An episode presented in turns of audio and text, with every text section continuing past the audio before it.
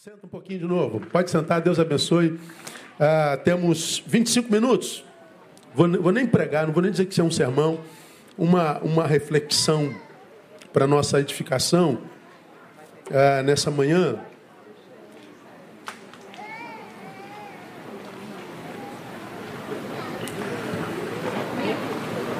Eu e você sabemos, e não precisa ser doutor para isso, que nós vivemos num mundo egóico, ou seja, de pessoas egoístas, e o egoísta é aquele que reconhece no espelho o único ser que para ele presta. O egoísta, ego é eu, né? o ismo é o, é o sufixo que prefigura fenômeno. O egoísmo é a realidade do ser que reconhece nele a única coisa que importa. Mas e o outro? Não me interessa. Dane-se. Dane-se. Ah, ele tem uma família que tem dá, dane-se, não tem nada a ver com isso, eu não tenho.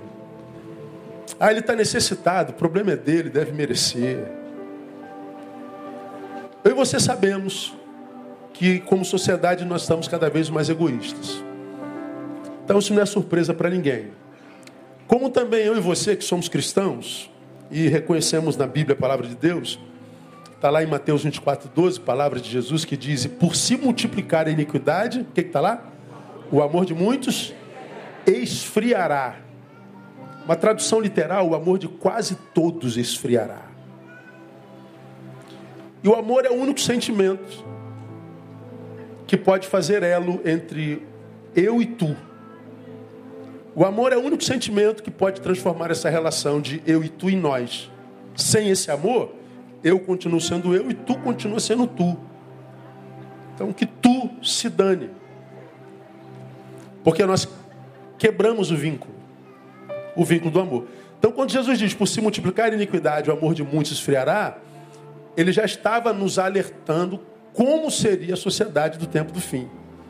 Nós já ensinamos aqui, pregando esse mesmo versículo, a iniquidade, lá no grego, na, na, na língua original, é anomia. A partícula contrária, nomos lei. Então, iniquidade é viver contrário à lei. Qual lei? A lei de Deus. Então, quanto mais longe de Deus, quanto mais Deus nós pomos para fora da nossa vida pessoal e da nossa família e da nossa sociedade, mais iniquidade, quanto mais iniquidade, mais esfriamento do amor. Por personalidade, alguns conseguem falar de amor, externalizar amor mais facilmente. Eu estava falando com o Salomão ali. Essas crianças com Down, elas parecem que não foram alcançadas pelo pecado. É impressionante. São muito puras e, e, e verdadeiras. Amam com amor que você fala assim, gente, o pecado original não chegou lá. É muito, é muito verdadeiro. Parece que a maldade não chegou lá. Não tem o vírus da maldade, da segunda intenção. É tudo primeira intenção. É tudo verdadeiro. Quando ela ama, ama mesmo. Quando tá braba, tá braba mesmo. A gente já conhece bem a Valentina. Ô bichinha braba. Não é? E briga pelo direito dela mas ela está brigando por uma causa que é verdadeira. É o biscoito que a mãe não quer dar. Então, sem esse biscoito eu não vivo, entendeu? Então ela briga pelo biscoito. Agora, quando ama, quando sorri, se ela sorriu para você, é verdadeiro. Não tem uma segunda intenção, é amor. Então não tem jeito. Então você, você conhece a história da Valentina, operou o coraçãozinho, aquele coraçãozinho do tamanho de uma pipoca, irmão. Imagina um médico operando aquilo e depois teve que operar de novo. E tantos meses dentro de um hospital. Raquel chegava lá, um monte de crianças internadas. Aí chegava no outro dia, uma criança não estava lá, morreu. Aí no outro dia morreu outra. No outro dia morreu outra. Pô, tu imagina, e a tua filhinha ali, falei, meu Deus do céu. A gente acompanhou de pertinho esse negócio medo, pavor, mas fé. Compartilhamos aqui com o mundo a história da Valentina. Até hoje tem pessoas que entram na gente e falam assim, pastor, e a Valentina? Pois é, a Valentina está aqui. Tirando onda e dizendo amém. Valente. Não é? Agora, por que, que o caso da Valentina nos une? Porque ainda há amor no nosso coração, no meu e no teu. Lá no fundo ainda. Hoje nós vivemos um tempo de iniquidade, e essa iniquidade ela vai entrando em nós e gera em nós muita raiva, indignação. A gente tem raiva do que está acontecendo na sociedade, a impunidade. E a gente vai adoecendo sem perceber. Como eu digo aqui, a gente vai se transformando num depósito de lixos emocionais não tratados. Daqui a pouco você tem insônia, você tem pano branco, você não tem mais pavio, você está com vontade de quebrar tudo, chutar balde. Aí, gente, por que está acontecendo comigo, cara? É o amor está esfriando. Está acontecendo com todo mundo, comigo e com você. E quando Jesus diz, por se multiplicar a iniquidade, o amor de muitos esfriará, o amor de quase todos esfriará, ele está dizendo a única forma de manutenir esse amor em nós, porque é Ele que nos mantém humanos, que nos faz sentir a dor do outro, que mantém o outro vivo em meu afeto, que não me faz viver a desgraça do egoísmo, que reconhece o eu como único fenômeno existencial, e o cara vai dizer: ah, tanto eu em mim que tu não cabe. A gente põe para fora tudo que não é eu. A única forma da gente se livrar desse ser maldito que nos habita é permitindo que o amor seja materializado em nós. Que ele deixa de ser uma letra de samba, que deixa de ser uma letra gospel, que deixe de ser uma letra de MPB, de sertanejo universitário, e seja alguma coisa praticada. Quando a gente faz um culto desse aqui, o que, que a gente espera? Tem mais de mil pessoas, mais de mil links abertos lá. Aqui tem mais de mil pessoas.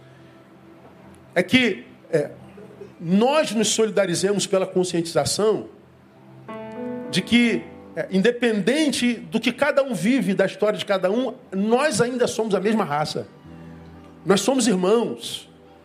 E quando eu sirvo alguém, eu não estou só servindo esse alguém, eu estou me servindo porque eu estou semeando.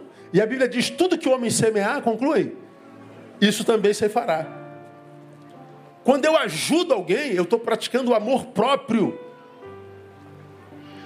Quando eu abuso de alguém, quando eu machuco alguém, quando eu firo alguém, eu estou plantando isso para a minha vida, eu vou colher lá na frente. Quando eu costumo dizer aqui, ó, todos nós estamos aonde exatamente merecemos. Ou seja, nós temos no hoje a colheita do que nós plantamos nos ontens que nos antecederam. Só que quando a gente faz o mal, a gente se esquece. E a Bíblia diz que fazer o mal não é só praticá-lo, é só negar o bem. Aquele que sabe fazer o bem e não faz, comete pecado. Então, todo bem que eu só nego é uma semente que eu deixo de semear. Então, amanhã, esse bem que eu não plantei hoje vai me faltar lá. Aí a gente pergunta, meu Deus, por que, que a minha vida está assim? Meu Deus, minha vida, meu casamento, minha vida financeira, minhas emoções, é, é, todos pensam que eu estou bem, e você bota foto linda no Instagram, mas lá no fundo você sabe que o do Instagram e você não tem nada a ver uma coisa com a outra, é mentira. Vivemos uma epidemia de suicídios no mundo, um a cada 40 segundos. E a gente pergunta, meu Deus, o que está acontecendo com a raça humana, o que está acontecendo com a sociedade? Tu liga o jornal, você vê o cara caminhando na Tijuca, o outro vai lá, dá facada no cara e arranca o pescoço dele. Aí prende o desgraçado, aí fala assim, por que, que você fez isso? Não tenho a menor ideia. Fui lá e fiz. Aí você fala, isso é um monstro. Esse monstro é da mesma raça que eu e você, a humana. Ele não veio de Marte matar um terráqueo. Ele não veio de Plutão matar um terráqueo. Ele é um ser humano matando um ser humano. Então nós vemos isso todo dia. A gente liga o jornal e fica esperando a desgraça da noite anterior. E é tanta desgraça que você não se lembra da desgraça de anteontem, você só se lembra de ontem. Porque nós estamos vivendo essa vida destracinho graçada, ou seja, sem a graça de viver, com ausência de graça de ser. Por quê? Porque o amor é, está esfriando em nós, esfriando em nós. E aí nós não nos preocupamos mais com os outros. Aí, nesses dez minutos, falando sobre é, conscientização de, de, de, deficiência e de síndrome. Queria deixar duas, duas perspectivas para nós encerrarmos o nosso culto nessa manhã. Primeiro, na perspectiva do deficiente. Pessoas nos procuram o tempo inteiro, ou o tempo inteiro não, demais, regularmente, é, querendo entender por que, que meu filho veio assim. Ainda mais quando é detectado na gravidez. É um desespero. Não pensa que é glamouroso porque não é. Ninguém sonha em ter um filho com alguma deficiência. Mas ele veio. Por quê? Nós nunca saberemos. Mas eu queria deixar duas perspectivas. Primeiro, na do, do deficiente. Como que eu acredito a gente deve lidar com a deficiência? Primeira coisa, aceitação. Claro que aqui se encaixa a família também. Existe um texto na Bíblia que sobre o qual eu preguei lá em 2016 num culto como esse, que fala da vida de um camarada chamado Mefibosete. Filho de Jonatas, filho de Saul, que era inimigo de Davi que tentou matá-lo por inveja por tantas vezes. Saul morre, Davi sobe ao trono e por amor a Jonas, filho de Saul, ele diz assim: tem alguém da linhagem de Saul sobre quem eu possa fazer um bem, porque a linhagem de Saul foi quase que toda dizimada, mas Davi por gratidão queria honrar o rei que o antecedeu, mesmo que esse rei quisesse matá-lo. Então, o rei queria matá-lo, mas Davi era o melhor amigo do filho dele. Então existe alguém, aí disseram sim, tem um, tem um camarada que se chama Mefibosete, é filho de Jonas, chama Mefibosete. Aí Mefibosete vem diante do rei Davi e Mefibosete diz assim, 2 Samuel 9,6, diz assim, é, Mefibosete, filho de Jonatas, filho de Saul, veio a Davi, prostrando-se com o rosto em terra, lhe fez reverência. E disse Davi, Mefibosete, respondeu ele, eis, aqui teu servo.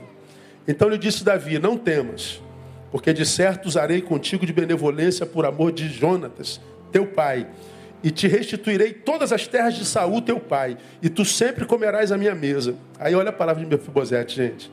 Então Mefibosete lhe fez reverência e disse: Que é o teu servo, para teres olhado para um cão morto, tal como eu?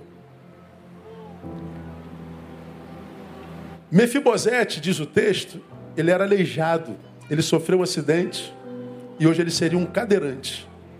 Ele se arrastava. Naquela época não tinha cadeira. Ele era um deficiente físico. Ele tinha uma deficiência física, não mais deficiente. Né? Então, na cultura judaica daquela época, qualquer pessoa que nascesse com alguma deficiência, ele era alijado. Ele não podia viver em sociedade. Ele tinha que ser tirado da família, tirado da sociedade e ia para um vale outro.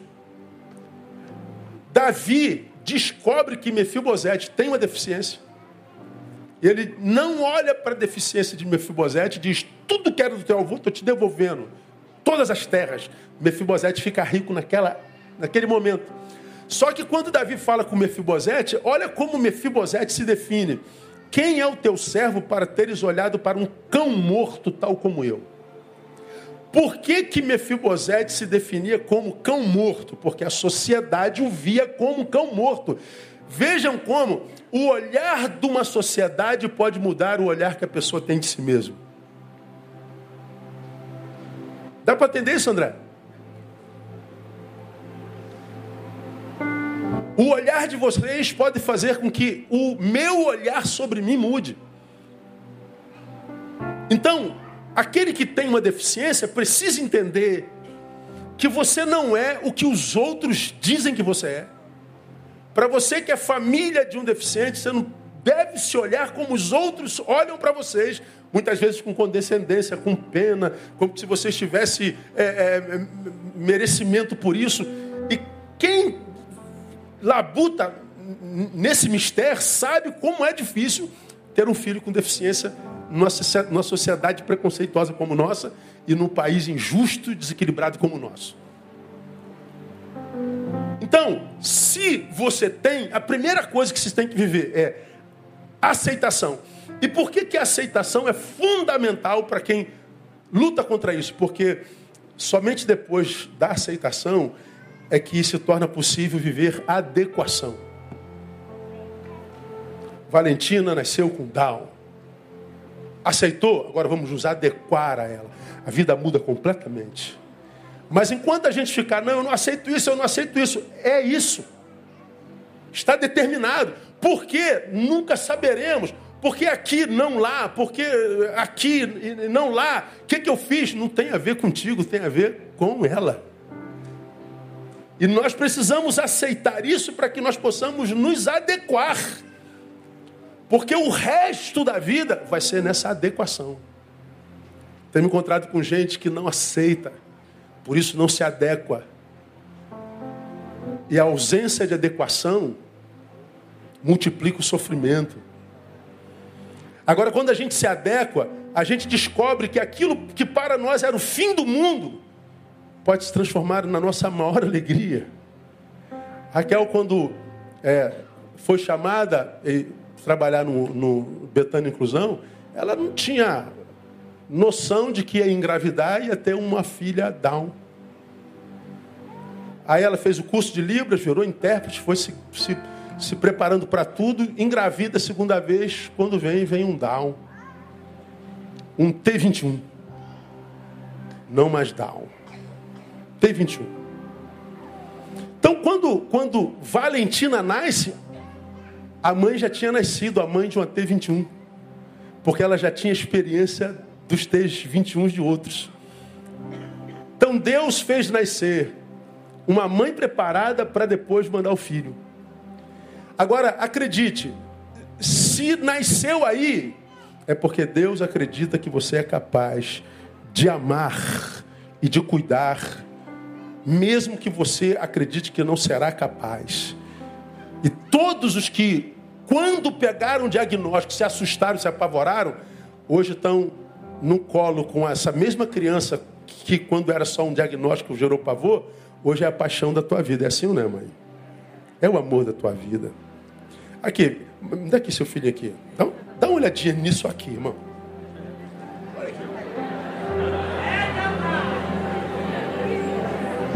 Quer vender, mãe? 10 milhões. Vende não, né, pai? Ah, é, é a paixão da vida. No diagnóstico, pânico. No parto, pânico. Mas agora daqui um ano, um ano, dois, um ano e três. É o zoião, zoião azul. Aí. Lourinho, lourinho, lourinho. E a alegria da casa. Ou seja, imagina sem ele agora? Jamais, mãe. Porque Deus sabe o que faz. Aceita, se adequa. E Ele vai dar alegria para vocês o resto da vida. Em nome de Jesus.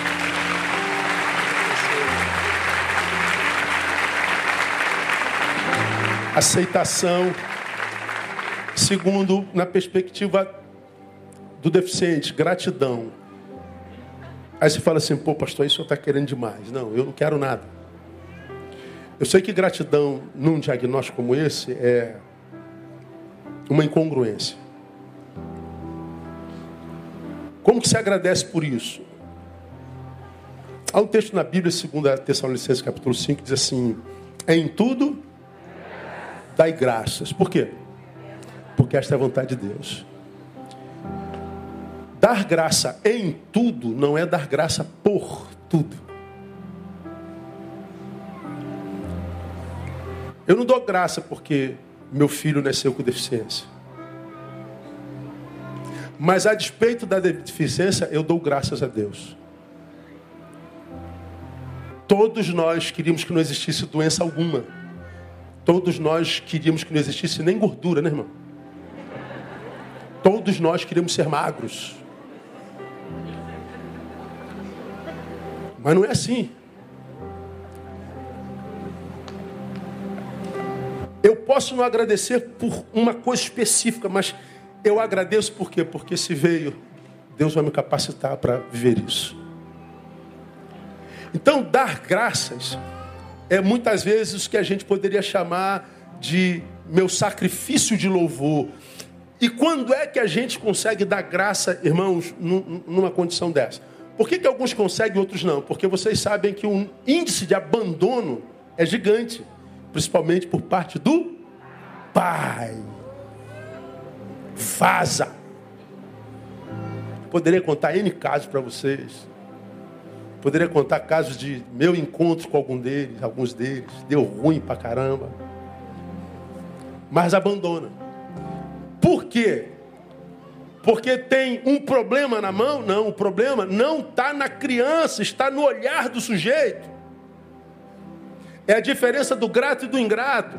O grato, ao invés de olhar para a deficiência que a pessoa tem, olha para a pessoa que tem deficiência. E uma pessoa não se reduz à sua deficiência. A minha deficiência é nos olhos, eu uso muleta nos olhos. Como ela já falou aqui, alguns de vocês têm deficiência de caráter, é mau caráter. Outros são mentirosos. Outros são traidores, adúlteros. Outros são juízes, soberbos, metidos a bestas. Todos nós temos deficiência, sim ou não? Diferente é a forma como a gente lida com a nossa deficiência. Então, quando você diz, pô, pastor, o senhor quer que eu agradeça? Agradeça pela pessoa que você tem. E essa pessoa, por acaso, tem uma deficiência. No caso de hoje, é T21.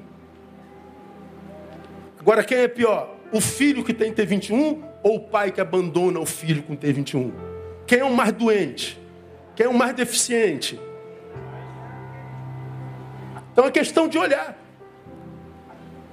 E como Jesus diz que por se multiplicar a iniquidade, o amor de muitos esfriará, a primeira marca, irmão, onde esse amor esfriado se manifesta é no olhar.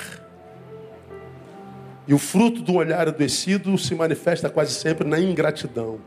Eu não posso agradecer por ter um Mefibosete aleijado. Mas aí vem Davi e diz assim: não me interessa se você é aleijado ou não, porque Davi, quando chama Mefibosete, lá no versículo 13, estou terminando, diz assim: Morava, pois, Mefibosete em Jerusalém, porquanto sempre comia a mesa do rei. Era coxo de ambos os pés. Então, Mefibosete era coxo, era deficiente, era cadeirante, tinha uma deficiência, mas ele tinha um lugar na mesa do rei. Na mesa do rei, do nosso rei, há lugar para todo mundo, irmão. Portanto, na perspectiva do deficiente, Aceitação e gratidão. Na perspectiva da igreja, inclusão. Porque nós servimos a um rei que na mesa de quem, na mesa do qual cabe todo mundo. E na mesa que a gente serve aqui em Betânia, cada um de vocês cabe. Não interessa para nós se você é doutor, nós temos aqui desembargador aqui presente, temos juiz aqui presente, temos bocado de médico aqui presente, temos gari aqui presente, temos desempregados aqui presente, tem um monte de negão aqui presente. Tem um monte de branquelo aqui presente. Tem um monte de, de bolsonarista aqui presente. Tem um monte de lulista aqui presente. Tem um monte de tudo. Nós somos uma igreja híbrida, eclética. Mas como amadurecemos como corpo de Cristo, ao invés da gente se dividir nas nossas divergências, nós amadurecemos e superamos as divergências e nos unimos numa convergência maior que se chama Jesus de Nazaré. É o nosso rei. E na mesa desse rei cabe todo mundo, inclusive os deficientes. Na mesa desse rei cabe esquerdistas e direitistas. Na mesa desse rei cabe todo mundo que se enxerga. E na mesa desse rei se senta quem quer, como também da mesa desse rei se ausenta quem quiser. Então nós louvamos a Deus de, de fato, de verdade. Quando a gente fala de inclusão, a gente fala de conscientização, acessibilidade. A Raquel já falou sobre isso, eu não preciso falar. Celebramos a Deus pela família dos T21. Celebramos a Deus pela família dos autistas. Teremos o culto do autista mais para frente aqui. É, mês que vem, não? Já é mês que vem, não é? Aí já não é mais todo mundo de amarelinha, todo mundo de azulzinho, é outra cor, não é? Não tivemos a caminhada DAO esse ano, a gente não sabia como é que ia ser a, a pandemia, a gente faz uma caminhada pedindo conscientização lá na Vila Militar, um montão de gente e tal. Então, que Deus abençoe vocês, que Deus possa renovar força eh, sobre a vida de vocês, que, que Deus é, possa abençoá-los com acesso, que Deus possa colocar do lado de vocês gente que seja gente de verdade, gente que não seja egóica, egoísta, gente que não seja doente no caráter a ponto de não, não acolher, não abençoar. E que a gente possa celebrar, irmãos, na vida, momentos como esse que a gente está celebrando aqui. Vocês que estão aqui não são evangélicos. A gente sabe como é difícil acreditar em evangélico hoje e, e, e, e confiar neles. Nós somos evangélicos, também não confiamos, não. Também temos dificuldade. Eu sou pastor e não gosto de evangélico. Acredita nisso, irmão? Pois é, é um negócio terrível. Mas porque a gente sabe quem é quem. Só que a gente não pode julgar a todos por aqueles. Tem gente que pensa. No planeta evangélico tem vida inteligente, embora não pareça, mas tem. E gente que acolhe, gente que ama a gente. Gente que quer servir e não quer usar. Então lembra, você tem um filho, você tem uma esposa, tem um marido, tem uma família. Essa família precisa de transcendência, precisa de Deus. Vocês não são um pedaço de carne que andam. E como diz o poeta, a gente não quer só comida, a gente não quer só bebida. Porque isso a gente tem, mas a gente quer transcendência, a gente quer Deus, a gente quer plenitude. Que Ele nos abençoe, que Ele abençoe vocês e lhes dê a graça de viver um 2022 abençoadíssimo no nome de Jesus. Vamos aplaudir a Ele em nome de Jesus. Alguma palavra mais? Não? Vamos sair cantando então? Tem uma música que diz: é, Nosso amigo Santo Espírito, venha aquecer os corações. Então, Salomão está tá dizendo que a música Down está em todas as plataformas da internet. Então, se você quiser baixá-la, compartilhar, fica à vontade. Segue o Salomão lá no Instagram dele, nas redes dele. Está tudo lá. Salomão é, é, é, é de Deus. Então, essa música é uma música que a gente chama muito cantar aqui. O que dizer, o que fazer quando ele vem aqui. E ele está aqui nessa noite. Independente da tua religião, você sente que é uma ambiência divina, amém ou amém? É uma ambiência de comunhão. Ninguém aqui buscando só o que é seu nós estamos aqui numa consciência coletiva dizendo: olha, somos com vocês e oramos por vocês, são bem-vindos. Vamos ficar em pé, vamos cantar essa canção e vamos embora para casa. Ah, em nome de Jesus. Deixa fechada a